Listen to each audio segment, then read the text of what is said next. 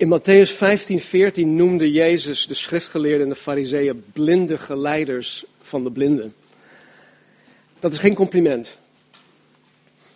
Het betekent onder andere dat de schriftgeleerden en de fariseeën niet de enige blinden waren. Want zij waren blinde geleiders van blinden. Nou, vorige week zei ik dat ik tot de ontdekking ben gekomen dat, dat ik die dove ben. Ik ben tot de ontdekking gekomen dat ik die verlamde ben, dat ik die kreupel ben, dat ik die doofstomme ben, dat ik die blinde ben. Dat ben ik. En dit komt omdat na de zondeval in Genesis 3 elk mens geestelijk blind geboren is. Elk mens na de zondeval is geestelijk blind geboren. Maar dankzij Jezus heb ik geestelijke ogen gekregen waardoor ik niet langer geestelijk blind ben. Hij heeft mij geestelijke ogen gegeven. In uh, Johannes 3 heb je een geweldig dialoog tussen Jezus en een zekere sympathieke fariseer, Nicodemus, die naar Jezus toe kwam op een avond. En Jezus raakte met hem in gesprek. En Jezus zei tegen deze Nicodemus, al, hij, hij hoorde dit te weten, maar goed, hij, hij wist het niet. Hij was blind. En Jezus zegt, voorwaar, voorwaar, ik zeg u. Met andere woorden, luister heel goed naar wat ik nu ga zeggen. Als iemand niet opnieuw geboren wordt, kan hij het koninkrijk van God niet zien. Paulus zegt eigenlijk hetzelfde, maar in zijn eigen woorden in de Korinthebrief en in 1 Korinthe 2 vers 14 zegt hij dit. Dit is uit het boek. Iemand die niet gelovig is, de natuurlijke mens, heeft geen oog voor wat de geest van God doet. Voor hem is het allemaal onzin. Hij begrijpt er niets van, omdat het alleen geestelijk te doorzien is. Doordat ik nu door de geest van God wederom geboren ben, en doordat ik Jezus Christus navolg, zegt Jezus in Matthäus 13:11 dat het mij gegeven is de geheimenissen van het koninkrijk der hemelen te kennen. En niet alleen mij, maar wij, wij die Jezus Christus navolgen. Nou, vanmorgen pakken wij het verhaal op in uh, Matthäus hoofdstuk 16, vers 1. En we zullen in dit kort stukje zien dat er twee soorten blinde mensen zijn. Twee soorten blinde mensen. Er zijn blinden die nooit zullen zien. Blinden die, nooit zullen, uh, die God nooit zullen leren kennen. Dat is één soort. En er zijn blinden die door de genade van God en door de verlichting van de Heilige Geest in staat worden gesteld om te kunnen zien. Om te kunnen zien waardoor ze dan een persoonlijke, intieme vertrouwensrelatie met God kunnen krijgen. Dus de eerste groep, of de eerste soort, is, zijn blinden die nooit zullen zien, die, nooit, die God nooit zullen leren kennen. En de tweede groep zijn blinden die door Gods genade en door de verlichting van de geest in staat worden gesteld om te kunnen zien. Matthäus hoofdstuk 16. Vanaf vers 1. En de fariseeën en de sadduceeën kwamen naar Jezus toe om hem te verzoeken. En ze vroegen hem of hij hun een teken uit de hemel wilde laten zien. Maar hij antwoordde en zei tegen, hem, tegen hen, als het avond geworden is, zegt u, mooi weer, want de hemel is rood. En s'morgens, vandaag storm, want de hemel is somberrood.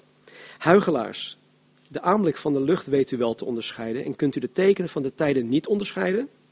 Het verdorven en overspelen geslacht verlangt een teken, maar hun zal geen teken gegeven worden dan het teken van Jona de profeet. En hij verliet hen en ging weg. En toen zijn discipelen aan de overkant gekomen waren, bleek dat zij vergeten hadden broden mee te nemen. Jezus zei tegen hen, kijk uit en wees op uw hoede voor, de, voor het zuurdeeg van de fariseeën en de sadduceeën. Ze spraken erover met elkaar en zeiden, dit zegt hij omdat wij geen broden meegenomen hebben. En Jezus die dat wist, zei tegen hen, waarom spreekt u er met elkaar over, kleingelovigen, dat u geen broden meegenomen hebt? Ziet u het nog niet in en herinnert u zich niet de vijf broden voor de vijfduizend en hoeveel korven u opgehaald hebt? En ook niet de zeven broden voor de vierduizend en hoeveel manden u opgehaald hebt. Waarom ziet u dan niet in dat ik tot u niet over brood gesproken heb toen ik zei dat u op uw hoede moest zijn voor het zuurdeeg van de fariseeën en de sadduceeën? Toen begrepen zij dat hij niet gezegd had dat zij op hun hoede moesten zijn voor het zuurdeeg van het brood, maar voor het onderricht van de Fariseeën en de Sadduceeën. Tot zover. Terug naar vers 1. De Fariseeën en Sadduceeën kwamen naar Jezus toe om hem te verzoeken en ze vroegen hem of hij hun een teken uit de hemel wilde laten zien. Even een opmerking. Het is voor mij opvallend dat de Fariseeën en de Sadduceeën samen naar Jezus toe kwamen. En want dit waren twee partijen die eigenlijk helemaal niets gemeen, gemeen hadden. Het waren twee uitersten. Ehm, de Fariseeën waren extreem rechts. En de Sadduceeën waren liberaal. Uh, als het, ja, ik zou bijna zeggen extreem links. Daarnaast geloofden de Sadduceeën alleen in de Torah, in de eerste vijf boeken van de Bijbel. Genesis, Exodus, Leviticus, Numeri en Deuteronomium. Dat was, dat was alles. Ze geloofden niet in de profeten, in de psalmen, in de spreuken, in alle andere boeken van het, het Oud Testament. De Sadduceeën geloofden niet in engelen. En ze geloofden helemaal niet in de opstanding uit de dood. En um, in Handelingen 23 een prachtig voorbeeld van hoe die twee met elkaar omgingen. In Handelingen 23 werd de apostel Paulus in Jeruzalem gearresteerd. En hij werd voorgeleid aan de Hoge Raad. En wetende, Paulus is heel slim, wetende dat de raad uit zowel fariseeën als sadduceeën bestond, deed Paulus iets, iets geniaal. Nou, dit is echt door God, God ingegeven. Laten we even naar Handelingen 23 toe gaan. Handelingen 23, vers 6.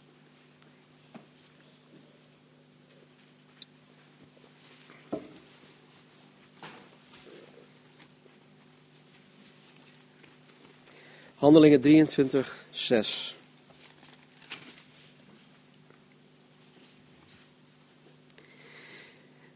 Dus hij, hij, werd, hij, werd gearresteerd, hij werd voorgeleid. En dan staat hier, en Paulus, die wist dat het ene deel bestond uit Sadduceeën en het andere uit de Fariseeën, riep in de raad, mannenbroeders, ik ben een Fariseer en zoon van een Fariseer. Ik word geoordeeld over de hoop en de opstanding van de doden. En toen hij dat gezegd had, ontstond er een oneenigheid tussen de Fariseeën en de Sadduceeën en de menigte raakte verdeeld. De Sadduceeën zeggen namelijk dat er geen opstanding is en geen engel of geest, maar de Fariseeën beleiden het beide. En er ontstond luid geschreeuw en de schriftgeleerden van de partij van de Fariseeën stonden op en betoogden fel.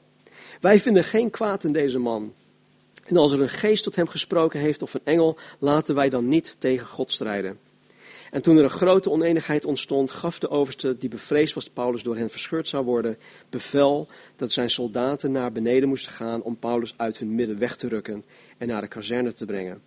En de volgende nacht stond de Heer bij hem en zei, heb goede moed, Paulus, want zoals u in Jeruzalem van mijn zaak getuigd hebt, zo moet u ook in Rome getuigen. Tot zover. Hier zie je dus een voorbeeld van hoe de Fariseeën en de Sadduceeën met elkaar omgaan. En het is geweldig. Paulus die gooit het gewoon in de groep. Ik word geoordeeld over de opstanding uit de, uit de doden. En dan doet hij een stap terug en hij laat die gasten gewoon met elkaar alles uitvechten. Goed.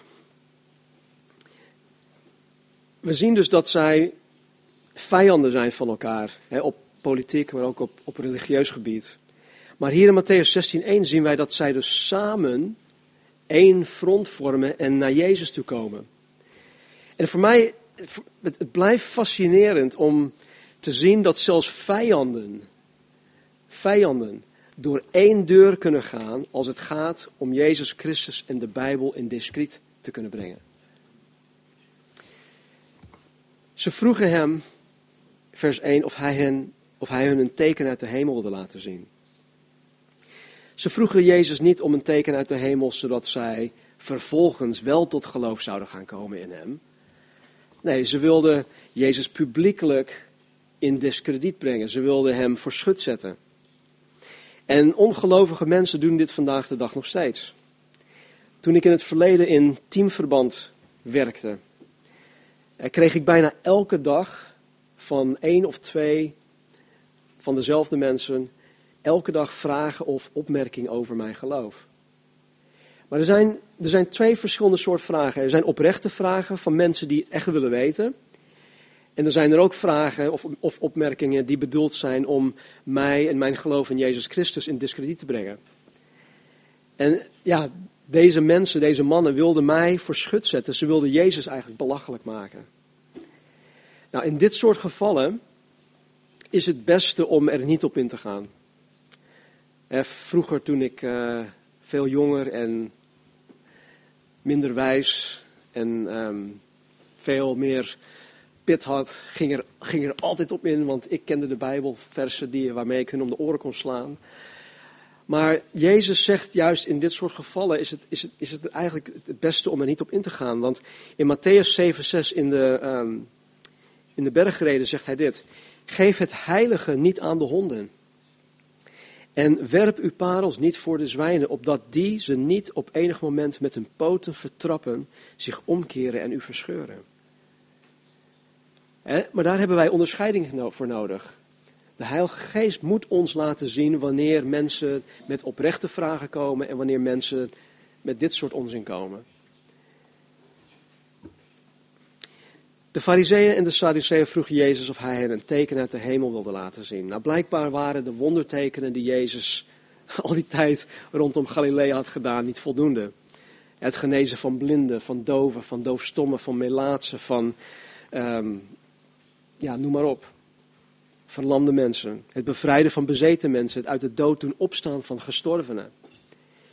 Het voeden van de 5000 mannen, plus vrouwen en kinderen. Het voeden van de 4000 mannen, plus vrouwen en kinderen. En ze wilden iets spectaculair zien. Iets uit de hemel. En in mijn ervaring met nog niet gelovige mensen is, is er eigenlijk niets veranderd in 2000 jaar tijd. Ik, soms raak ik in gesprek met mensen en, en, soms vragen mensen van, nou weet, of zeggen ze dan van, nou als God me dit of dat laat zien, of als hij dit of dat doet, dan pas zal ik gaan geloven. Maar God werkt, werkt, werkt niet zo op die manier. Ja, ik weet nog dat een, uh, een zekere schoonzoon van mij een tijd geleden had gezegd: Als God dit doet of als God dat doet, dan, dan, dan kan ik pas gaan geloven. Maar die schoonzoon heeft die dingen niet te zien gekregen, maar hij gelooft nu wel. Ja. No names, Mike. Maar Jezus, vers 2, antwoordde hen en zei tegen hen: Als het avond geworden is, zegt u mooi weer, want de hemel is rood. En s'morgens vandaag storm, want de hemel is somberrood. Huigelaars, de aanblik van de lucht weet u wel te onderscheiden. En kunt u de tekenen van de tijden niet onderscheiden? Ik vind het zo mooi. Jezus geeft toe dat de Fariseeën en de Sadduceeën het weer wisten te voorspellen. Wetenschappelijk is bewezen dat deze methode van weersvoorspelling enigszins betrouwbaar is. Het is niet 100% betrouwbaar, maar er zit een kern van waarheid in. Er is trouwens een hele oude gezegde hierover, dat luidt als volgt. In English it's um, red skies at night, sailors delight. Red skies in the morning, sailors warning. There you have it. Des avonds rood en des morgens grijs. Men gaat dan steeds gerust op reis. Doch, des avonds grijs en morgens rood, men stelt zich dan aan regen bloot. Ze wisten dus aan de hand van de kleur van de lucht wat er aan zat te komen. En maar ze hadden tegelijkertijd geen flauw idee dat de tijd aangebroken was van de Messias, de komst van Messias.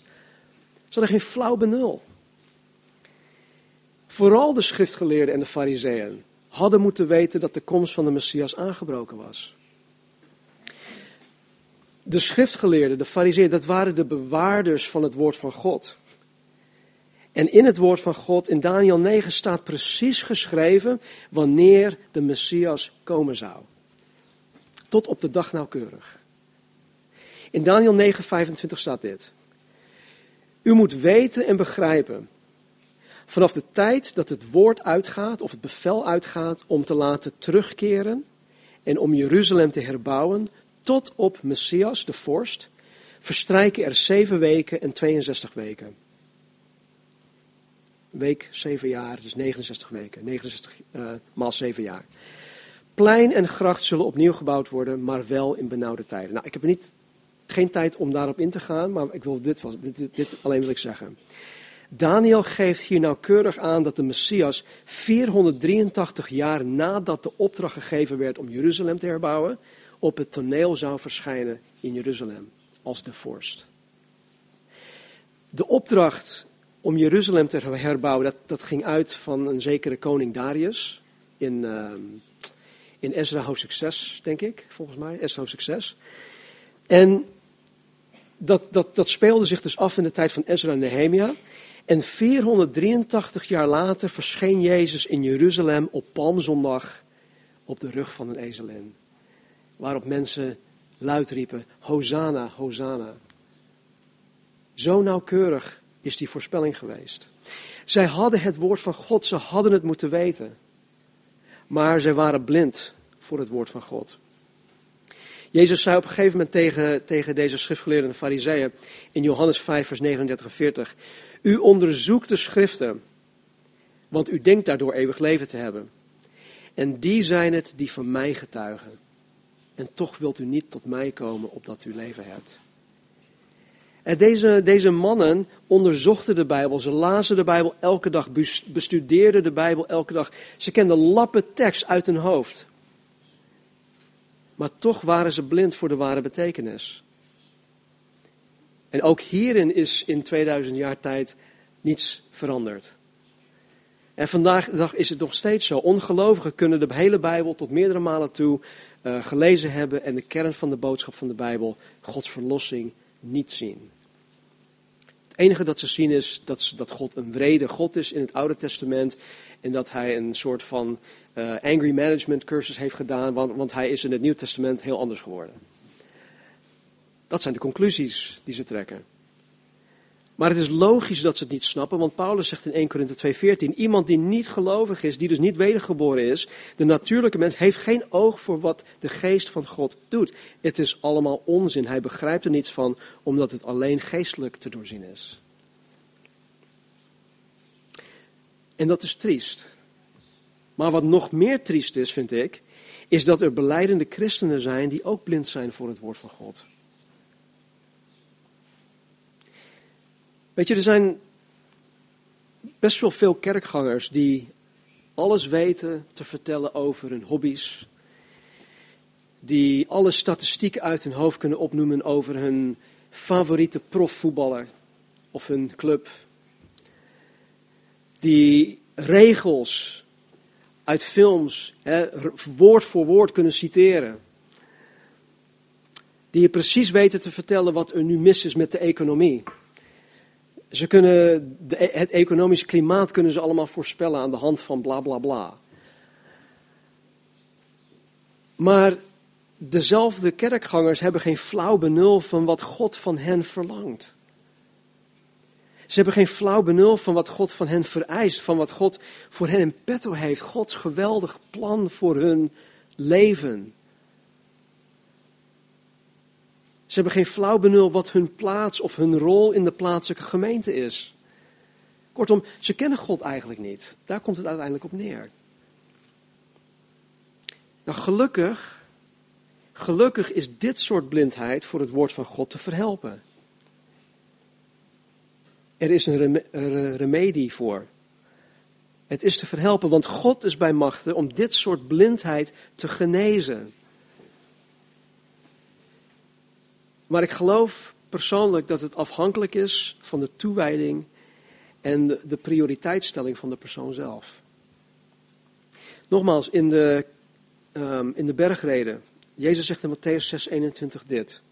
Waar uw schat is, daar zal ook uw hart zijn. De apostel Paulus zegt precies hetzelfde, alleen in met andere woorden, in Colossense 3, vers 2. Bedenk de dingen die boven zijn en niet die op de aarde zijn. Want u bent gestorven en uw leven is met Christus verborgen in God. De psalmen, in psalm 25, vers 14, staat, vertrouwelijk gaat de Heere om met wie hem vrezen.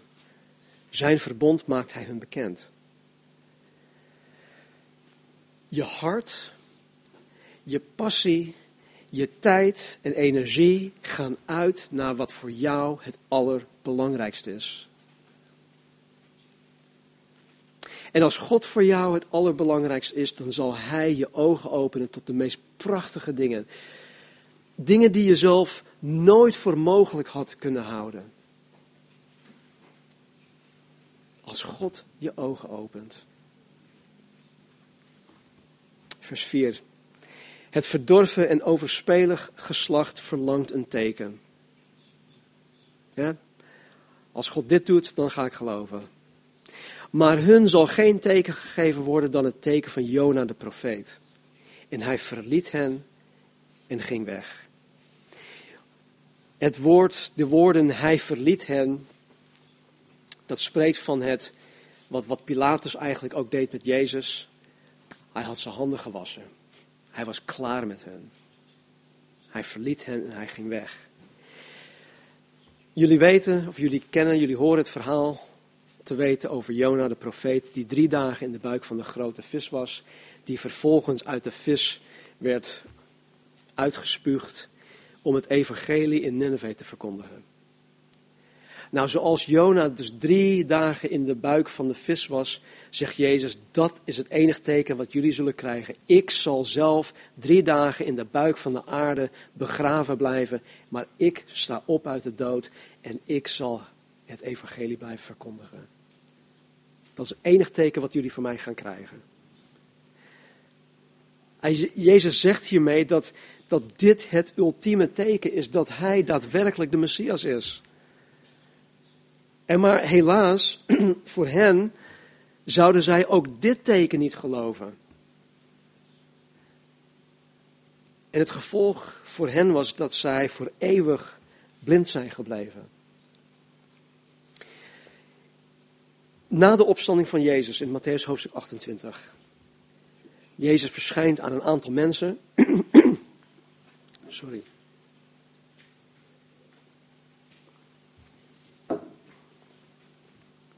Er is het een en ander gebeurd. En dan staat er in Matthäus 28, 11 tot 15 dit.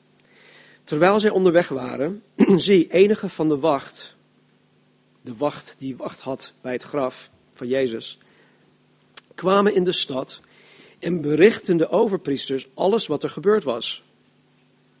En ze kwamen bijeen met de oudsten en ze kwamen gezamenlijk tot het besluit om de soldaten veel geld te geven. ze wilden afkopen. Omkopen, afkopen? Oké. En ze zeiden, zeg, zijn discipelen zijn s'nachts gekomen en hebben hem gestolen terwijl wij sliepen. En als de stadhouder hiervan hoort, zullen wij hem overtuigen en maken dat u zonder zorgen bent. Dus wij regelen alles wel. Maak jullie maar geen zorgen. Zeg dit en wij regelen de rest. Toen zij het geld in ontvangst genomen hadden, deden zij zoals hun was voorgehouden. En dit woord is verbreid onder de Joden tot op de huidige dag. En hier is dus het bewijs dat zelfs na de opstanding van Jezus, dat zij nog steeds blind waren. En ze zijn blind gebleven. En dit zijn dus de blinden die nooit zullen zien, die, die God nooit zullen gaan leren kennen. Oké, nu gaan we een, een andere groep blinden zien. Die door Gods genade, die door de verlichting van de Heilige Geest in staat worden gesteld om wel geestelijk te kunnen zien. En dit zijn de blinden die een persoonlijke relatie met God mogen krijgen. Vers 5. En toen zijn discipelen aan de overkant gekomen waren, bleek dat zij vergeten hadden broden mee te nemen. Eh, even een hele korte opmerking hierover. Nadat Jezus de, de twaalf discipelen had geroepen, nadat hij de hele nacht gebeden had om wie te gaan roepen om tot geloof te eh, komen in hem, volgde zij Jezus na. Overal waar Jezus naartoe ging voor drie jaar lang, volgde zij Jezus na. En ook hier, we zien, Jezus is naar deze plaats toegegaan, Magdala, en even later komen de discipelen aan. Dus overal waar Jezus ging, soms reisden ze samen, soms ging Jezus hen voor, maar goed, zij volgden Jezus na. En ik geloof persoonlijk dat dit de reden is waarom zij als blinden het geestelijk gezichtsvermogen van de Heilige Geest hebben gekregen. Omdat zij Jezus navolgden. Vers 6. Jezus zei tegen hen, Kijk uit. Wees op uw hoede voor het zuurdeeg van de Fariseeën en de Sadduceeën. Ze spraken erover met elkaar en zeiden: Dit zegt Jezus omdat wij geen brede broden meegenomen hebben. Jezus spreekt hier op het geestelijk vlak. Hij spreekt geestelijke woorden tegen hen. Hij heeft het over geestelijke zaken. Maar omdat de discipelen blind zijn, omdat zij nog steeds op het, het vleeselijk vlak, op het natuurlijke gericht zijn, dachten zij dat Jezus het over brood had. als jullie ochtends niet hebben ontbeten, en als het half twaalf aan het worden is, en ik nog steeds doorga, waar denken jullie aan? Eten. Ja, honger. En zo, de, discipelen waren, waren niet anders. Ze, waren precies hetzelfde. Ze dachten alleen maar aan, aan, aan eten, aan drinken, aan, aan de natuurlijke dingen. Ze dachten, weet je, ik, ik denk dat Jezus niet wil dat wij brood kopen van de fariseeën en de sadduceeën. En maar daar ging het Jezus, daar ging het niet om. Hoe vaak bevinden wij ons niet in, in situaties die God wil gebruiken om ons geestelijke dingen bij te brengen? Om ons geestelijke dingen te openbaren. Maar omdat het geestelijke en het natuurlijke zo nauw verweven is, zien wij het niet. Zijn wij er blind voor. In het volgende gedeelte, wat wij over een paar weken, over een paar weken gaan behandelen.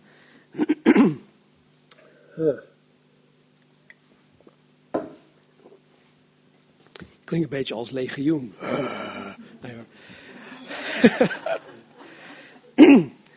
Waar wij het uh, over een paar weken gaan behandelen, zien wij dus de beleidenis van Petrus. Dat hij zegt, u bent de Christus, de Zoon van God. En nog geen paar zinnen later zegt, zegt Jezus tegen hem, ga achter mij uh, staan, Satan. Het, het, is dus, het is lastig als mens zijnde, als wedergeboren, geestvervulde mens, is het en blijft het lastig om soms te kunnen onderscheiden tussen geest en vlees. Is het een gedachte van God of is het van mezelf? Enzovoort, enzovoort. Het is nauw verweven. Ik ben in het verleden meerdere malen werkloos geweest. en in die tijden van werkloosheid zag ik met mijn natuurlijke ogen dat werkloosheid op zijn minst, op zijn allerminst ongunstig en ongewenst was. Ik had er toen andere woorden voor, maar het was op zijn minst ongunstig en ongewenst. Maar toen ik mijn tijden van werkloosheid, werkloosheid door geestelijke ogen begon te zien, toen, toen God mijn ogen begon te openen, zag ik dat God deze tijden wilde gebruiken om mij de tijd te gunnen om Hem beter te leren kennen. God gunde mij die tijd. God gaf het als een cadeau. Om mezelf meer aan Hem over te gaan geven. En in sommige gevallen was het, was het een maand. In andere gevallen was het wat langer, drie maanden. Maar ik, ik kwam tot het besef, ik had ineens veel meer tijd. ik had tijd om met God door te brengen. Ik had tijd om, in zijn, om, om zijn woord grondig te gaan bestuderen. Er waren bepaalde Bijbelboeken die ik nog nooit echt bestudeerd had, waar ik me nog nooit in verdiept had. Ik kreeg ineens tijd om me daarin te gaan verdiepen. Ik beluisterde allerlei preken online. Boeken, boeken van, noem maar wat, een boek Openbaring wilde ik, wilde ik gaan, gaan bestuderen. Nou, de preken van Chuck Smith heb ik, heb ik beluisterd. Van andere leraren heb ik beluisterd. Ik kreeg ineens een hoop tijd. ik kreeg tijd om geestelijke boeken te gaan lezen. En niet voor niets liggen daar boeken op de achtertafel. Boeken die geschreven zijn door, door godvrezende mannen en vrouwen. Die, die geschreven zijn door geestvervulde christenen, doorgewinterde christenen die, die het weten. Die zijn belangrijk. Want als ik zeg van ja, ik heb geen boeken nodig, dan ben ik, dan ben ik trots, dan ben ik hoogmoedig. Want dan geloof ik niet dat God een andere persoon uh, kan gebruiken om iets tot mij te zeggen. En daar, daar zijn geestelijke boeken heel goed voor. En ik, ik kreeg de gelegenheid om meer boeken te gaan lezen. Om, om God ernstig te gaan zoeken. Om zijn plan voor mijn leven te gaan ontdekken in die, in die tijden. Boom. Zo, op mijn schoot geworpen. Het was belangrijk dat ik me niet blind staarde op mijn situatie, op mijn werkloosheid. Het was belangrijk dat ik mijn blindheid overgaf aan Jezus, die mijn ogen opende voor het geestelijke dat achter de omstandigheden schuilde. Snap je dat? Als er iets in, in het natuurlijk, op het natuurlijk vlak gaande is, dan is er altijd iets dat geestelijk, dat, dat, dat, dat, dat er iets geestelijk aan de hand is. God laat niet zomaar dingen toe. God wil ons altijd iets leren. Hij wil ons altijd door bepaalde situaties heen snoeien of, of, of ja, uh, maken naar zijn beeld. Wij zijn allemaal gebroken mensen. Hij wil ons fixen, hij wil ons maken. En God gebruikt die momenten, die seizoenen in ons leven om dat te bewerkstelligen. Op 38-jarige leeftijd kreeg ik een milde hartinfarct. Ik had tegelijkertijd ook een burn-out. Die twee die gingen in, in, in die situatie samen.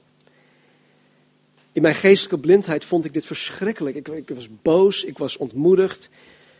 Vraag het maar aan Marnie, ik was thuis niet te genieten. Maar op het moment dat, me, dat ik me daarin, daarin uh, over, overgaf, op het moment dat ik God begon te vragen wat Hij mij erdoor wilde laten zien en leren, nam Hij die blindheid weg. En God heeft deze periode in mijn leven gebruikt om mij te bevrijden van bepaalde negatieve eigenschappen, negatieve karaktereigenschappen. Hij heeft me letterlijk bevrijd van een aantal dingen. God heeft mij er meer bewust van gemaakt dat mijn lichaam een tempel van de Heilige Geest is. Dat ik niet meer mijn eigen eigendom ben, maar dat ik gekocht ben, vrijgekocht ben door het kostbaar bloed van Jezus. Ik ben duur gekocht. En mijn lichaam is een tempel van Hem. En dat ik beter moest gaan zorgen voor mijn, voor mijn lichaam. Door bewust te gaan eten, door meer te gaan bewegen, enzovoort, enzovoort. En daar ben ik mee aan de slag gegaan. En dat, dat, dat probeer ik nog steeds te doen. En ik heb een geweldige vrouw die daar ook voor zorgt. Wij eten geen troep. Dankjewel. God heeft me in deze tijd de gelegenheid gegeven om mij weer te gaan gebruiken in het bouwen van zijn koninkrijk. Ik was op een soort van non-actief status in die periode.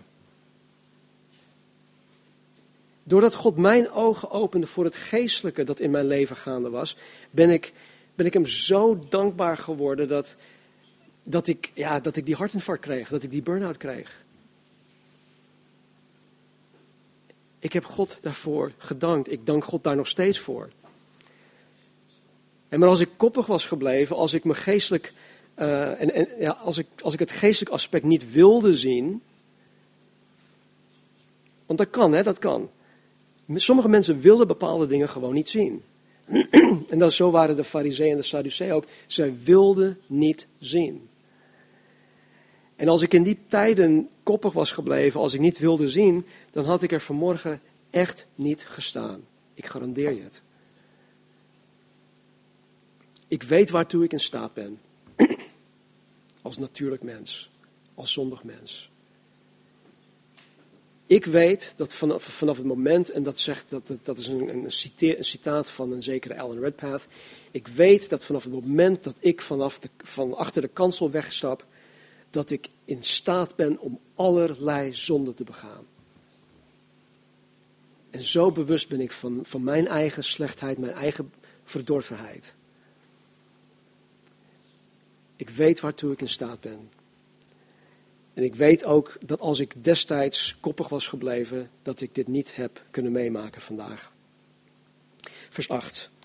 En Jezus die dat wist, zei tegen hen, waarom spreekt u er met elkaar, waarom spreekt u er met elkaar over, kleingelovigen, dat u geen broden meegenomen hebt? Ziet u het nog niet in en herinnert u zich niet de vijf broden voor de vijfduizend en hoeveel korven u opgehaald hebt? En ook niet de zeven broden voor de vierduizend en hoeveel mannen u opgehaald hebt?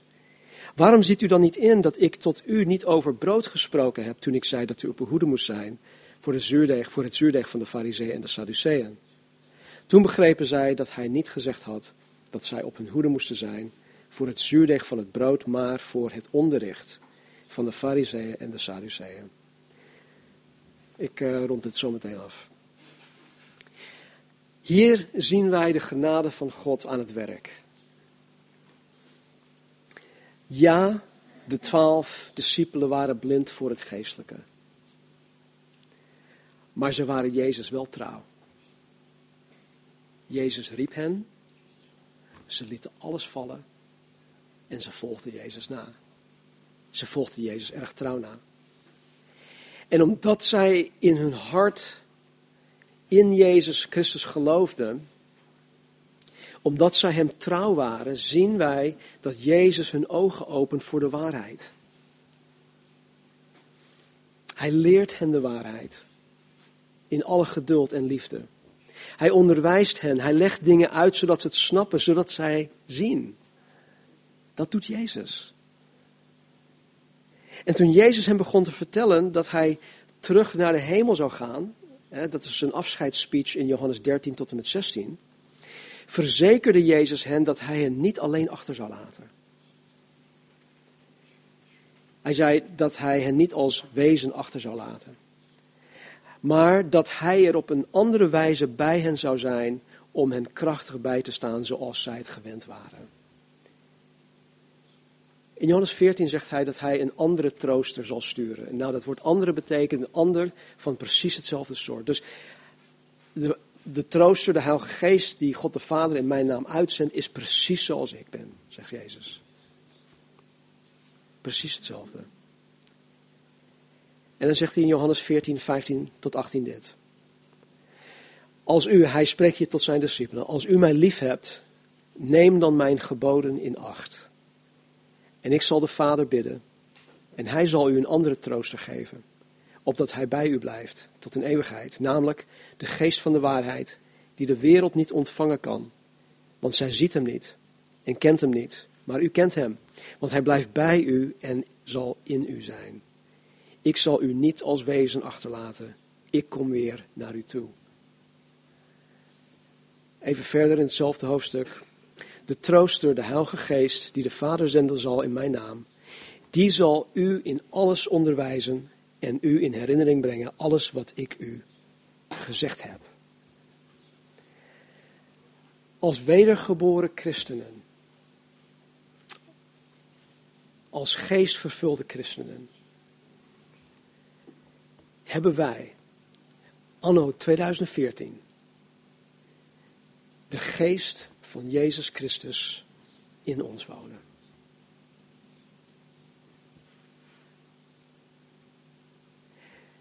En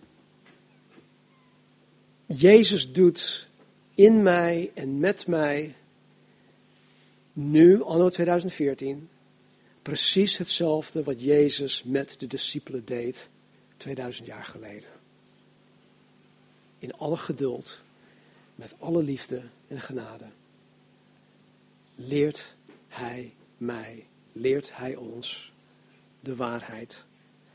Hij opent mijn ogen, Hij neemt mijn natuurlijke blindheid weg. Hij geeft mij het gezichtsvermogen om het geestelijke te kunnen zien. Het is nu de Heilige Geest, de Geest van Christus, die mij leert, die dingen voor mij uitlegt, die mij de waarheid leert, opdat ik kan zien. En dankzij Jezus Christus ben ik een blinde die nu kan zien. Ja, er is nog steeds een zekere natuurlijke blindheid waarmee ik de rest van mijn leven te kampen heb hier op aarde. Maar de Heilige Geest zal mij, wanneer het nodig is, wanneer ik het echt nodig heb, wanneer Hij wil, zal Hij mijn ogen openen voor de geestelijke waarheden die, die nodig zijn. En dat betekent niet, en dat zullen we volgende keer ook zien, dat ik nu wedergeboren ben, dat ik ineens altijd 24/7 alleen maar in de geest wandel.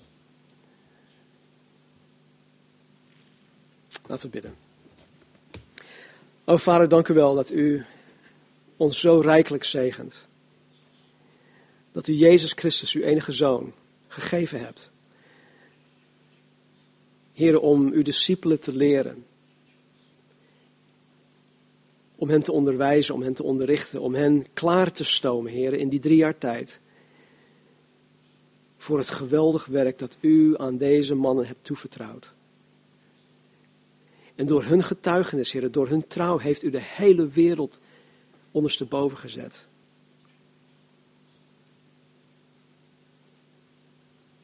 Dank u wel voor, voor hun trouw. Dank u wel dat door hun trouw het evangelie 2000 jaar later tot mij, tot ons is gekomen. En dank u wel, heren, dat ondanks dat wij blind zijn, dat wij mogen zien. Dat u ons verlicht. Dat u ons het gezichtsvermogen geeft. Dat wij geestelijk inzicht mogen krijgen. Dat u vertrouwelijk omgaat met degene die u vrezen. Dat ons gegeven is om de geheimenissen van het koninkrijk der hemelen te kennen.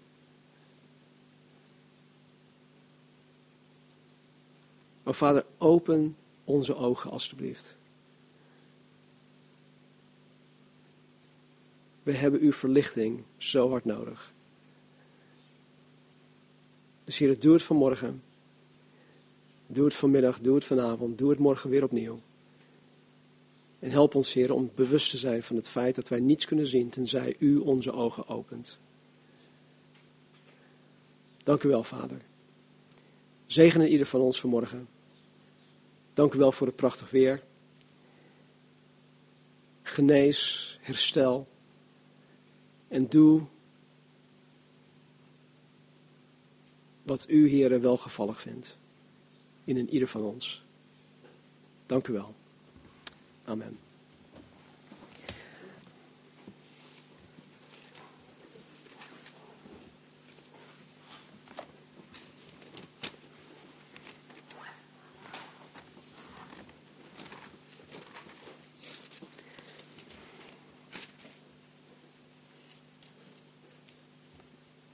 Laten gaan staan.